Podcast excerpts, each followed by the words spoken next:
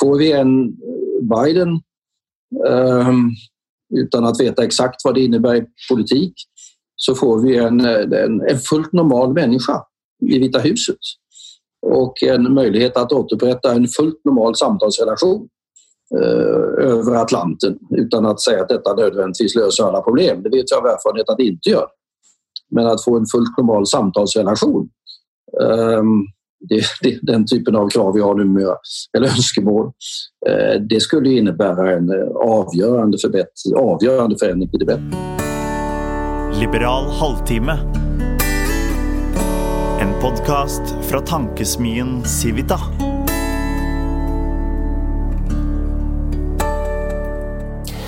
Välkommen till Liberal halvtimme. I studio Erik Løkke.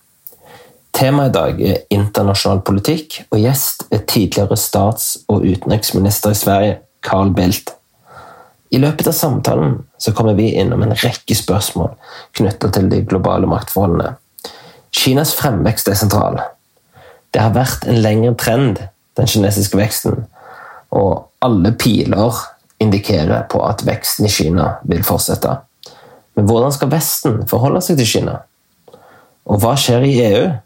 Hvordan skal Europa løse sine langsiktige utfordringer? Og Sist, men ikke minst, så diskuterer vi USA og Trump-administrasjonen. Alle valg er på sett og vis viktige, men få valg er like viktig som høstens valg i USA. Og som Carl Bildt sier, forskjellen i valgresultatet ligger i om vi får et normalt menneske vi kan forholde oss til, eller ikke.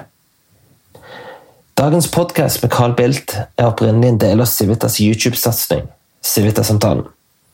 Dette konseptet, som best kan beskrives som videopodcast, lanserte vi da Norge gikk i lockdown i mars som en del av Civitas digitale satsing. Siden mange av dere har spurt om å få Civitas-samtalen som podkast, så har vi bestemt oss for å imøtekomme det ønsket. Så gjennom hele sommeren så får dere to ukentlige episoder av Liberal halvtime, hvor den ene episoden originalt er Civitas-samtalen.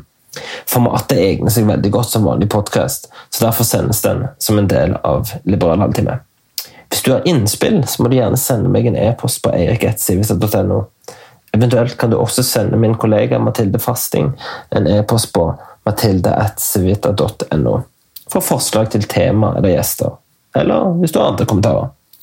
Både Mathilde och jag vill publicera färska episoder gjennom hela sommaren. Vi håper du blir med oss. Men nå straks så skal du få min samtale med Carl Bildt.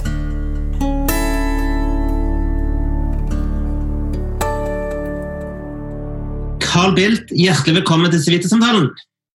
Tackar så mycket. Temaet i dag er jo de globale maktforholdene og hvordan de blir påvirka av denne eh, koronakrisen.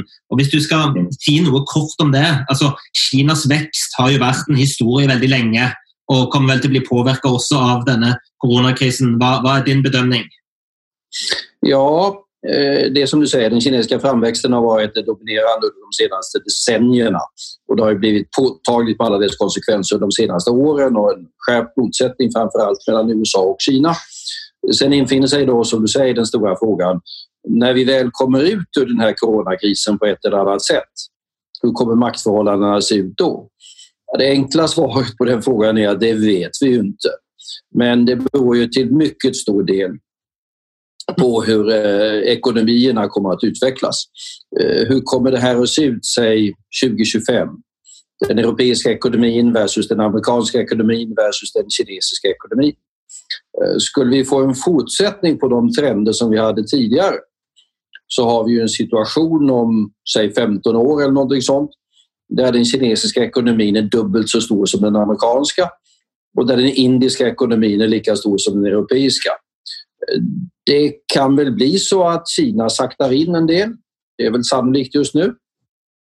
Det kan bli så att USA saktar in också, även om den amerikanska digitala delen av ekonomin har betydande fördelar. Vi vet inte hur Europa kommer att klara den här krisen. Eh, så att det är osäkert.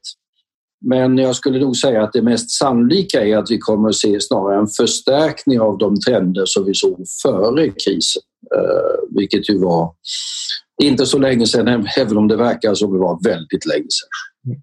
Vad hoppas du på? Vad är ett best case scenario här? Alltså det best case, ja, best case scenario är att världen präglas av harmoni, eh, förstånd och förnuft.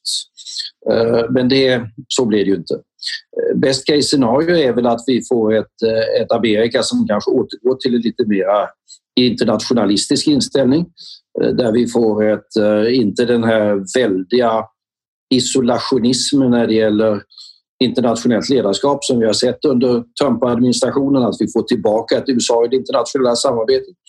Att vi får ett Europa som stiger fram med större kraft på den globala scenen och att vi får ett Kina som kanske inser att de måste reformera både ekonomi och politik för att långsiktigt ha den stabilitet i sin utveckling som också i grunden eh, ligger i det samlade globala intresset. Mm. Eh, som vi nämnde så har ju Kinas växt varit eh, det dominerande i geopolitiken väldigt länge. Ehm, har, eh, alltså på 90-talet var det ju många som hoppade på i hvert fall att Kina också skulle omfamna mer liberala politiska reformer. Det skedde ju inte och snarare så har man väl sett en mer auktoritär utveckling i Kina de senaste åren. Var västen naiv på 90- och 2000-talet? eller var det grundlag för att hoppa på liberala reformer som, som bara inte slog till? Jag, jag vet inte, det, det är många som säger det som du säger, men om jag försöker tänka tillbaka på 90-talet eller när ehm, eh, Kina kom med i Världshandelsorganisationen inte var det många som trodde att Kina skulle bli en demokrati omedelbart. Det trodde man inte. Men eh, så att på den punkten har vi inte haft några illusioner. Däremot hade vi kanske den förhoppningen att det skulle ske en gradvis liberalisering också av det politiska systemet. Det har inte skett, snarare som du säger en mer auktoritär utveckling. Är detta det sista vi har hört om den kinesiska utvecklingen i världshistorien? Det tror jag inte. Jag tror att Kina kommer att behöva att på sikt luckra upp lite den alltför auktoritära delen av sitt politiska system. De kommer att behöva liberalisera ytterligare sin ekonomi. Det har ju gått tillbaka lite i den delen i förhållande till 2008 där statliga företag och statliga subventioner har kommit att spela en större roll. Men det har å andra sidan minskat tillväxtpotentialen i den kinesiska ekonomin. Så att jag tror inte vi ska, vi ska inte ha några illusioner. Eh, men vi ska heller inte ge upp eh, de långsiktiga förhoppningarna. Mm. Men hur bör eh, Västen, alltså Europa, USA förhåller sig till, till eh, eh, Kina? Bör man, bör man vara för exempel tydligare i att kritisera kinesiska människorättighetsbrott? Bör man vara mer försiktig? Bör man heller sörja för att man får ett stabilt ekonomiskt förhållande? Vad, vad är ditt råd? Vi, vi, måste ha en politik gentemot Kina som vi på sin, sin tid hade gentemot Sovjetunionen som vilar på två ben.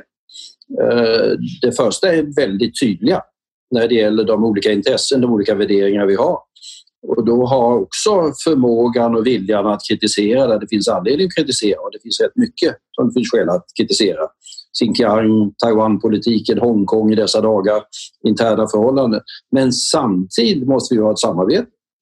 Det finns, eh, vi talar om en av världens största ekonomier. Eh, det finns väldigt många frågor där vi behöver kinesiskt samarbete. Klimatfrågorna är väl kanske det mest uppenbara. Men det kan vara globala handelsfrågorna eller just nu de globala hälsovårdsfrågorna. Så vi, vi, vi måste ha förmågan att eh, bedriva en politik som har två pelare eller två ben eh, gentemot Kina. Inte bara det ena eller inte bara det andra. Det verkar som amerikanerna nu... Man kan säga att européerna kanske har för mycket av det ena tidigare och amerikanerna är på väg för mycket av det andra. Eh, vi måste hitta en balans mellan de där två. Mm.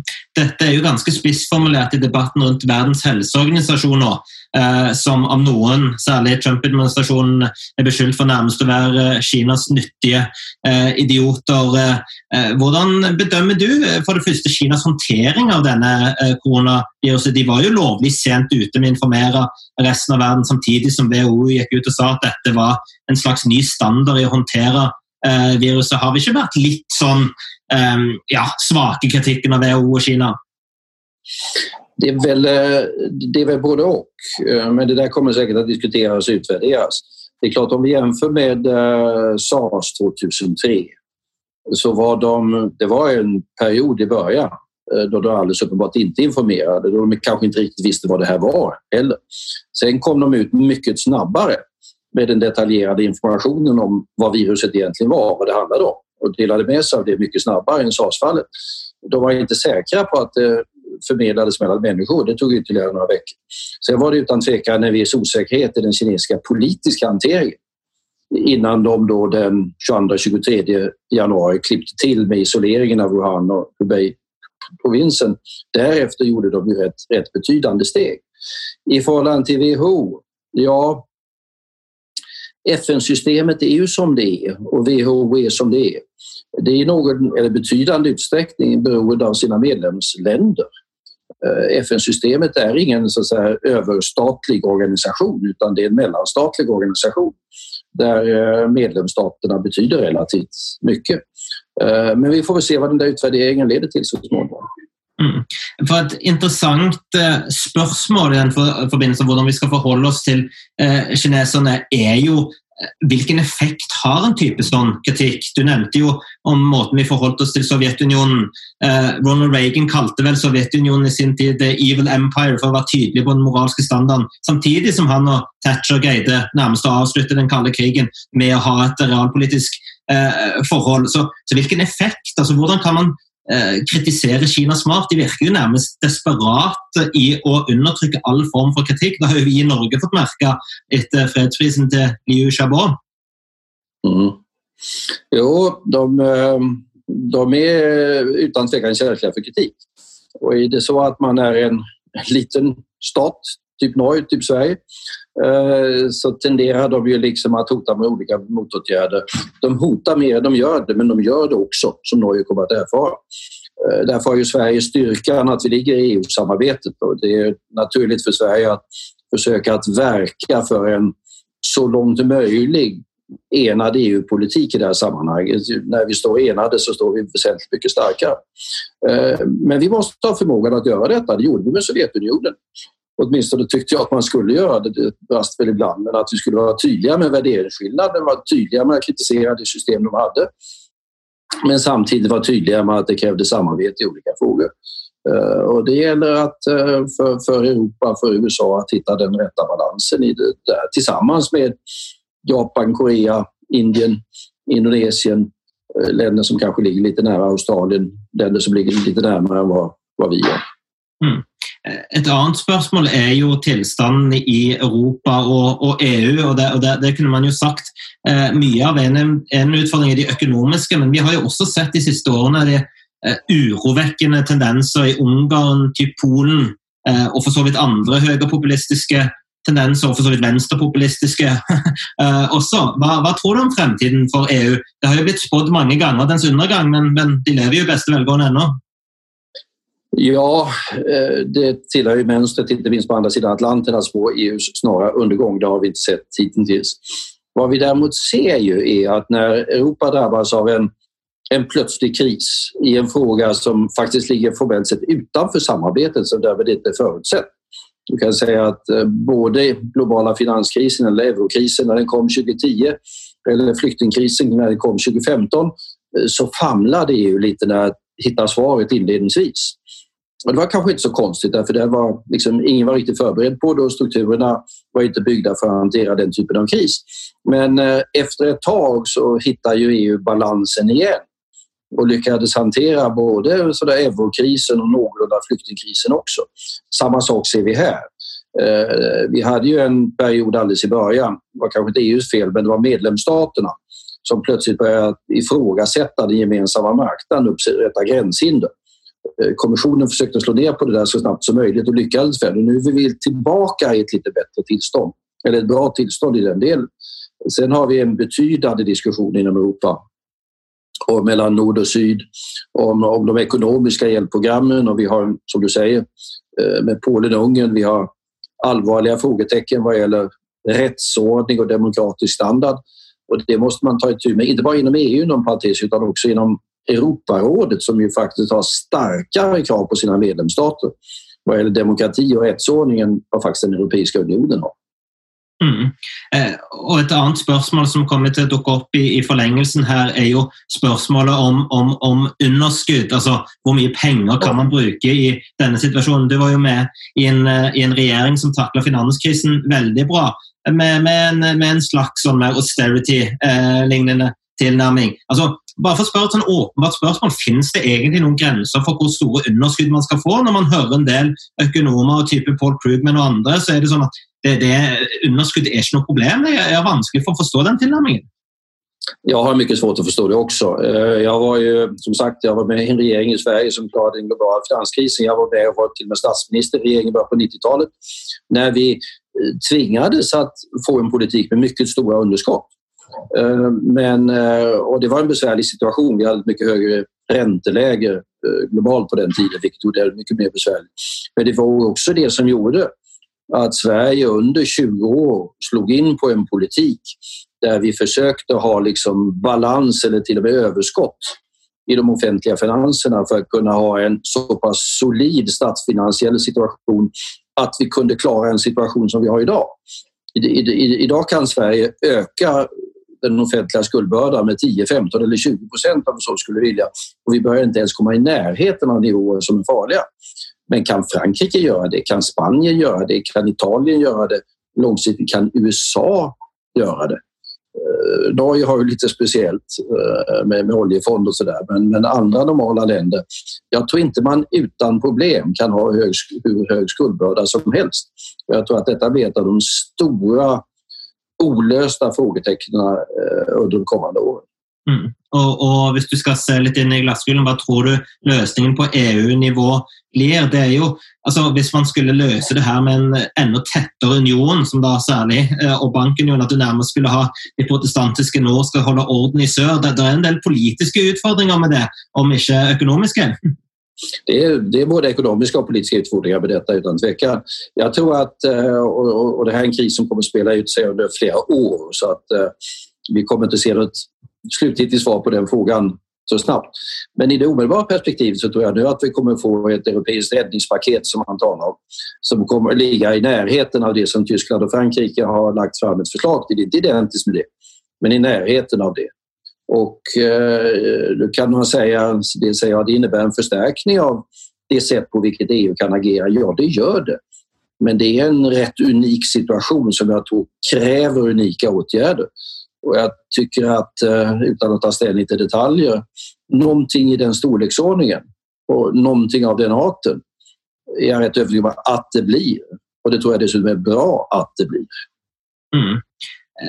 En annen, et annet tegn i tiden, eller som har vært et trekk over lengre tid, særlig siden Trump ble valgt til president i USA, er at eh, USA har, har eh, trukket seg tilbake i sin, i sin globale lederrolle. Mange snakket om at dette også skjedde delvis da mindre tydelig under eh, Obama, men under Trump så har det vært veldig eh, tydelig. Hvilke konsekvenser eh, mener du det har for verden at du har et mer tilbaketrukket, tilbaketrukket USA?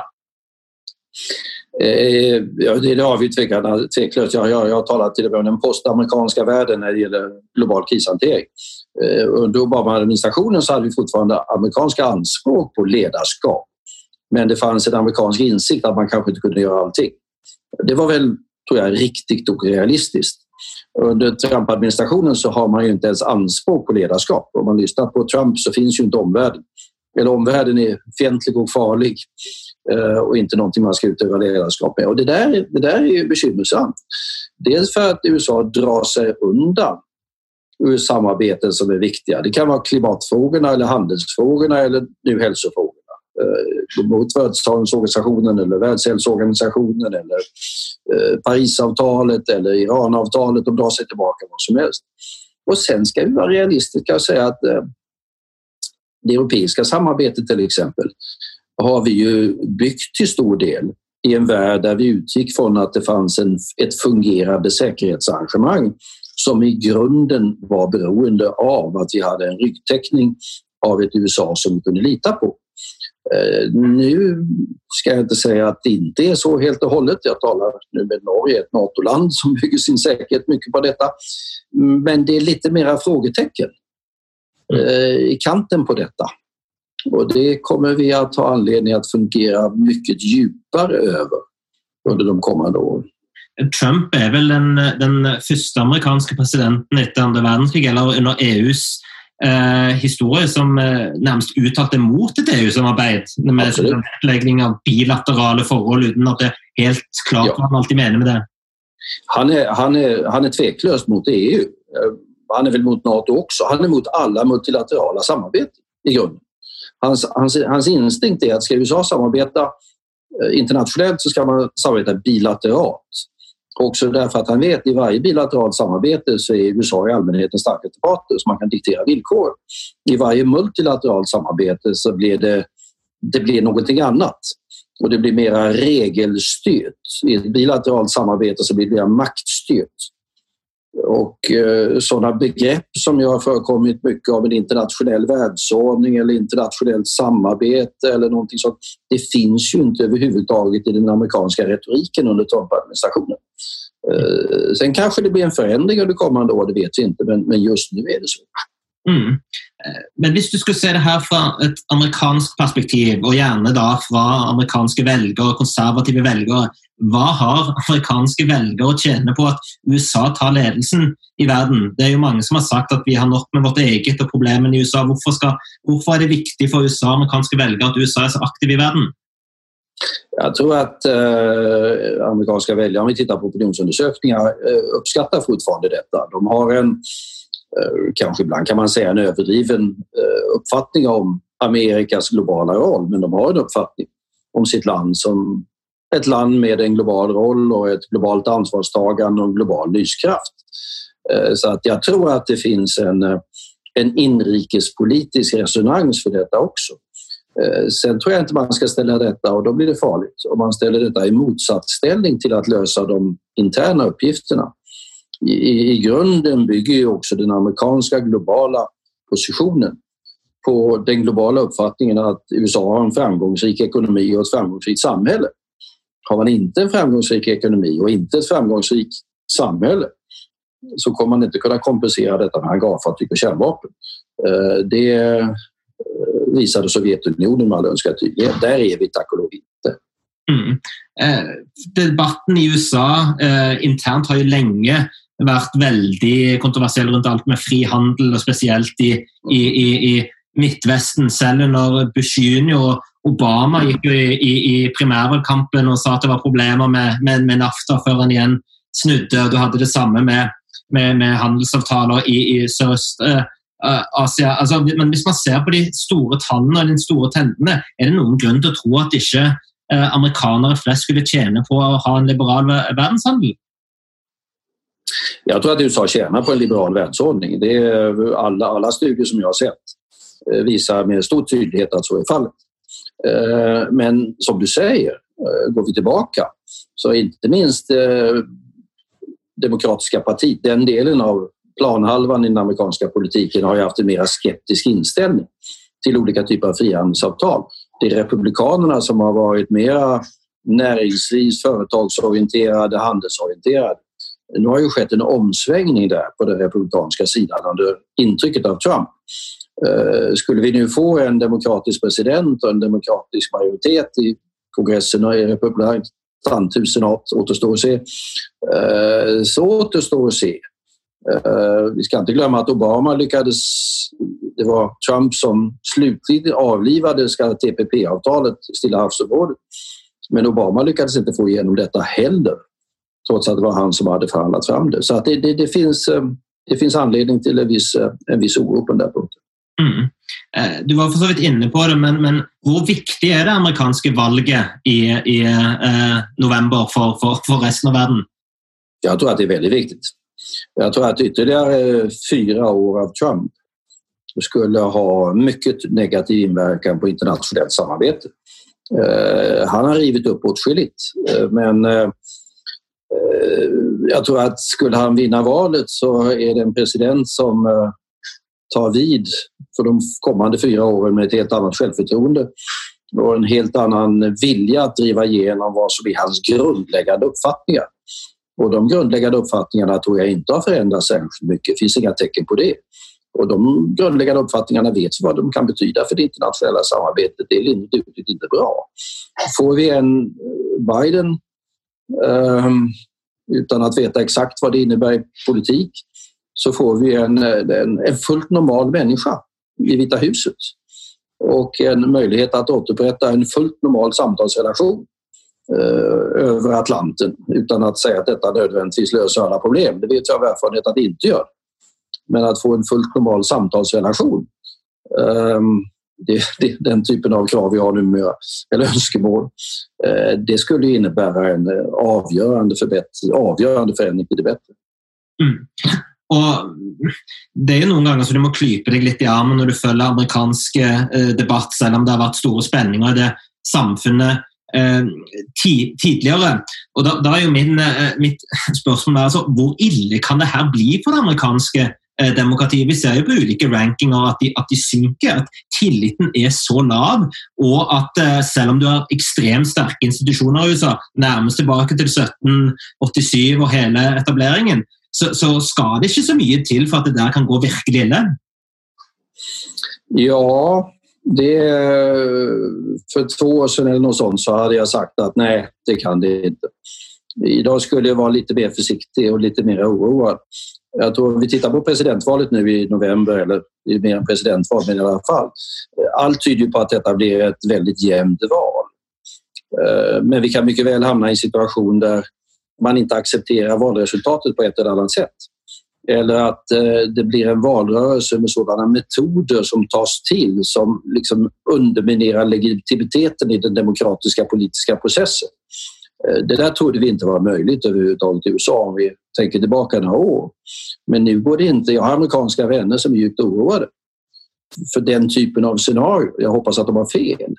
Men eh, blotta det faktum att den oron nu finns visar ju hur mycket som har förändrats under de senaste åren. Ja, apropå akkurat det, jeg så nettopp en studie og en overskrift som sa at halvparten av alle såkalte Twitter-kontoer som, som, som, agiterer for å reopen the country, er bots, altså falske profiler. Eh, altså, hva forteller dette om, om, om politikk, altså internasjonal politikk anno 2020? Ja, det vittnar ju att just i de där frågorna har vi sett ett väldigt polariserat klimat. Eh, det gäller framförallt i USA, men det ser tendenser till detta i olika europeiska länder också. Eh, det är en, eh, en, en tilltagande polarisering. Den är allvarlig därför att våra demokratiska samhällen är kanske lite mer vana vid detta i Europa. Det bygger ju på att både kunna ha debatten och konfrontationen. men också möjligheten till kompromissen och samförståndet. Och förlorar vi den där möjligheten till kompromissen och samförståndet så kan det bli väldigt besvärligt. Och där kan man ju säga mycket om herr Trump, men, men där var det ju mycket som var på väg bort och som hade eroderat den amerikanska politiska debatten redan innan Trump gjorde entré på scenen. Mm. Og, og, det er jo også grunn til å altså, det, det, er jo lett å overdrive hele den eh, trusselen fra Russland når det gjelder sånn trollfabrikker osv., så men at de er aktive i, i ulike valg, og sikkert i, i, i, USA, det er det vel ingen grunn til å ikke tro på? Nej, det tror jag inte att det finns någon grund att inte tro på. Eh, jag skulle inte överdriva det i alla fall. Därför det finns, eh, det finns tillräckligt mycket av polarisering i våra egna samhällen. Eh, och det är framförallt där som problemet ligger. Sen kan Ryssland och andra aktörer gå in och förstärka detta och det gör de tveklöst. Ehm, men om jag, vilket jag inte gör, men, men när jag då och då kanske har slagit på den här RT, den här ryska tv-kanalen, så ibland kan jag hitta intervjuer med svenska företrädare som jag aldrig har talat om. Alltså väldigt konstiga typer som de har letat upp och som de ger en plattform med mycket konstiga åsikter. De personerna finns ju, de är inte påhittade, de finns utomordentligt marginella i det svenska samhället, svenska debatten. Men där kan Ryssland gå in och förstärka tendenser som finns i vårt eget samhälle och det är det de gör. Men tendenserna finns där redan, de hittar inte ryssarna på. Mm. Det är ju en, ja, i mangel på bättre ord, en intressant sammanligning med att russerne og en del andre autoritære klager jo veldig mye over måten Vesten har prøvd å, å hjelpe demokratibevegelser i andre land. Og de, noen sier jo sånn Ja, vi, vi gjør bare litt av det, av det samme. Er det noe? Men det är väl inte akkurat moralisk ekvivalens här? Jo, men det, det, tycker jag inte det. Alltså, ryssarna klagar över att vi har försökt att uh, argumentera för demokrati och frihet. Det är korrekt, det har vi. Och det ska vi vara stolta över. Men det går ut på att vi har varit stolta över fria och demokratiska öppna samhällen och ekonomier som har producerat väldigt goda resultat för våra respektive nationer. Så vi har haft en stolthet över vårt egen, våra egna framgångar, vår egna modell och har inte känt någon blygsamhet när det gäller att förorda detta för andra. Men det är inte det vad Ryssland gör. Det är inte det att Ryssland går ut och säger vi är ett eminent framgångsrikt samhälle. Så om bara Norge blir som Ryssland så blir allt mycket bättre. Det har man inte hört dem säga. Utan vad de gör, de, de sår ju tvivel hela tiden. De underminerar motsättningar. De står ju inte för något positivt, de står bara för något negativt. När vi har argumenterat för demokrati och frihet och öppen ekonomi så har vi argumenterat för något positivt. Vi har inte haft en negativ agenda att underminera deras samhällen eller, eller deras stat i, i riktning mot allmän anarki och eh, sammanbrott. Det har vi aldrig gjort. Mm. Eh, helt til slutt, eh, Carl eh, Hvis man ser på det store store bildet i 2020, så kan man jo eh, det, det, det er jo alle grunn til å være ganske positiv. Altså, med tanke på de ressursene og alle all disse mulighetene vi har hatt. Hvis vi går 100 år tilbake i tiden med spanskesyken og den, den, type ting, så hadde vi jo mye færre ressurser. Og Det faktum at vi stenger ned økonomien på denne måten, forteller jo noe også om menneskesynet vårt. Vi skal prøve å redde så mange som mulig, selv om det har økonomiske eh, konsekvenser. Og Eh, til tross for alle bad news i, i, i, offentligheten, så har vi vel aldri hatt det bedre. Er det noen grunn til at vi ikke også skal få det bedre framover? Nej, jag hoppas att du har rätt. Um, går man tillbaka till spanska sjukan som många har talat om i dessa dagar så visste man ju inte vad det var. Ehm, man hade mycket begränsade möjligheter att hantera detta. Ehm, så att i den meningen så har vi det mycket bättre. Vi vet ju, det finns mycket om detta virus vi inte vet, men det finns rätt mycket vi vet. Så att det är klart att vi ska hantera detta bättre. Sedan är vi tack och lov nu eh, inriktade på att försöka rädda så många människoliv som vi kan. Eh, I den meningen det är vad vi kanske mera ehm, ja, större moralisk halt eh, på ett eller annat sätt i, i, i våra samhällen. Kommer detta att bli bättre eller sämre? Ja, man ska inte bortse från att världsekonomin nu går in i en mycket besvärlig fas. Det är väldigt många människor som kommer att bli väldigt mycket fattigare i olika delar av världen. Eh, och sköra samhällen kommer att bli ännu mer skakiga runt om i världen med de effekter som detta har. Så det är ju, finns anledning att bekymra för detta. Det finns klyftor som kan uppkomma i vårt eget samhälle om vi får en långvarig hög arbetslöshet så är det ingen tvekan om att detta har allvarliga konsekvenser för integration och social sammanhållning. Samtidigt, detta samtal kan vara en illustration på detta. Eh, vi tar ett jättekliv framåt när det gäller digitalisering och utnyttjande av digitala teknologier. Eh, vi lär oss åtskilligt om detta som nu lär oss mycket snabbare och mycket bättre förmodligen. Vi befinner oss i Zoomland och i Zoomvärlden. Eh, det hade vi inte gjort om detta hade inträffat på samma sätt. Så att ja, det finns mycket som är bekymmersamt men ett och annat hoppfullt kanske det finns också. Tusen tack Carl Bildt för att du var med. Tack så mycket.